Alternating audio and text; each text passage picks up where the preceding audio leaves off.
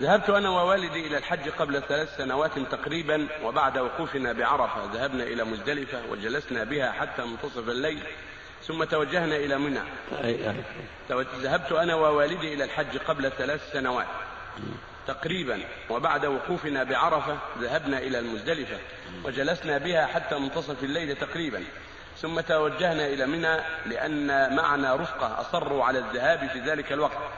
هل علينا شيء في تقديمنا ذلك؟ لا حرج إن شاء الله. إذا انصرف الناس بعد نصف الليل فلا حرج من مزدلفة. والأفضل أن يبقى حتى يصلي فيها الفجر حتى يذكر الله بعد الفجر ويحمده ويثني عليه ويدعو حتى يسفر ثم ينصرف كما فعل النبي صلى الله عليه وسلم قبل طلوع الشمس. لكن رخص النبي للضعفاء أن ينصرفوا بليل من المزدلفة كالنساء والصبيان ومن معهم من الضعفاء والشيوخ والمرضى ونحو ذلك. فالذي معه حكم حكمهم. من مع المرضى من مع الضعفاء حكم حكمهم ينصرف معهم ويروي معهم. ولا حرج فيه.